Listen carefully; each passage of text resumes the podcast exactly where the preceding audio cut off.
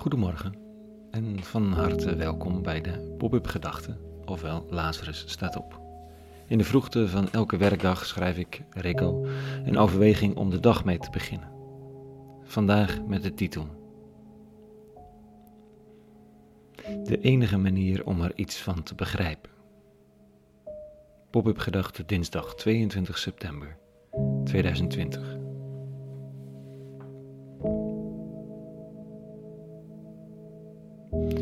Het is een vergaarbak van verhalen. 66 boeken met heel verschillende genres. Ze noemen het Bijbel en doen er een kafje omheen. Het is een complete boekenplank. Of eigenlijk een boekenplank, een serie liedboeken en een la vol brieven. En alle goeds hoor voor degene die domweg voor in het boek begint en er al lezend iets van probeert te bakken. Maar zo werkt het niet. En als het wel zo werkt, is het wonderlijk. Wat prima is, maar niet logisch. Want dat zijn wonderlijke dingen nou eenmaal niet. Je zou zeggen dat de evangeliën misschien nog wel het meest toegankelijk zijn. Verhalen over het leven van Jezus. En toch ook die kunnen eigenlijk alleen in context gelezen worden. En dan betekenen ze misschien meer. Vandaag zegt iemand, zelfs over die best al wel heldere evangeliën, zegt de, de, de beschrijving van het leven van Jezus, zegt deze zuster dit. Het is niet geschreven om begrepen te worden, maar om betreden te worden als een opstap naar het mysterie.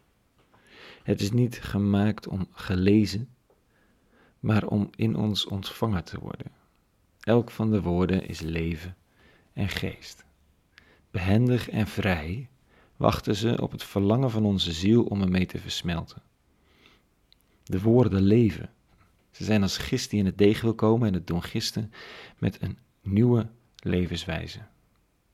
Zuster Madeleine Del Brel, begin 20e eeuw. Ofwel, dat spul is levend, dat evangelie. En net zoals je het leven niet kunt onderzoeken tenzij je zelf leeft, kun je de ideeën van christendom niet onderzoeken tenzij je die zelf leeft.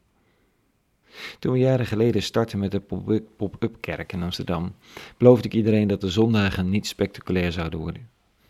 Dat het geen zin zou hebben om aan de hand van een zondagse bijeenkomst te bepalen of het iets zou toevoegen aan je leven of niet. Dat kon je nou eenmaal niet op basis van een eenmalig moment.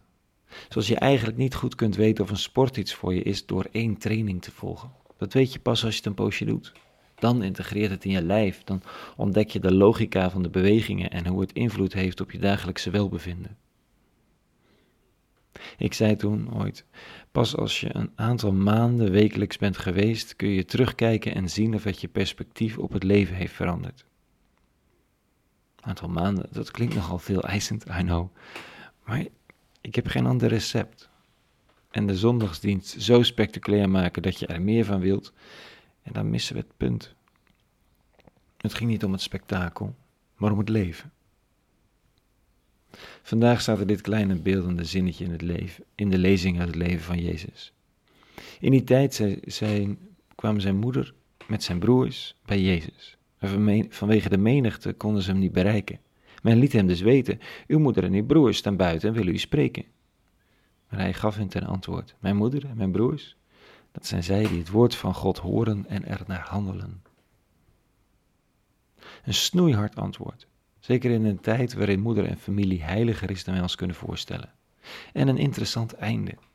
Die het woord van God horen en er naar handelen. In de handeling herken je de soortgenoot, de familieband. Ik heb al vaker eens verwezen naar Stefan Sanders, die als rechtgeaarde atheïst met zijn vrienden maar één echte boek kende en dat was iets met kerk. Want dat achterhaalde moralistische hypocriete instituut, dat was echt voor de dommen. En aangezien hij een goed taboe niet kon voorbijlopen zonder het binnen te gaan, ging hij een tijdje ter kerke. Hij adopteerde zogezegd tijdelijk het religieuze gedachtegoed. En nu is hij er niet meer weg te slaan. Of hij het gelooft? Hij zegt dat hij door er te zitten in die kerk en de woorden te horen een zachter mens is geworden, meedogender. Het is hem waardevol, het is in hem gaan gisten, het is leven en geest geworden, versmolten met wie hij is. Daar gaat het evangelie over.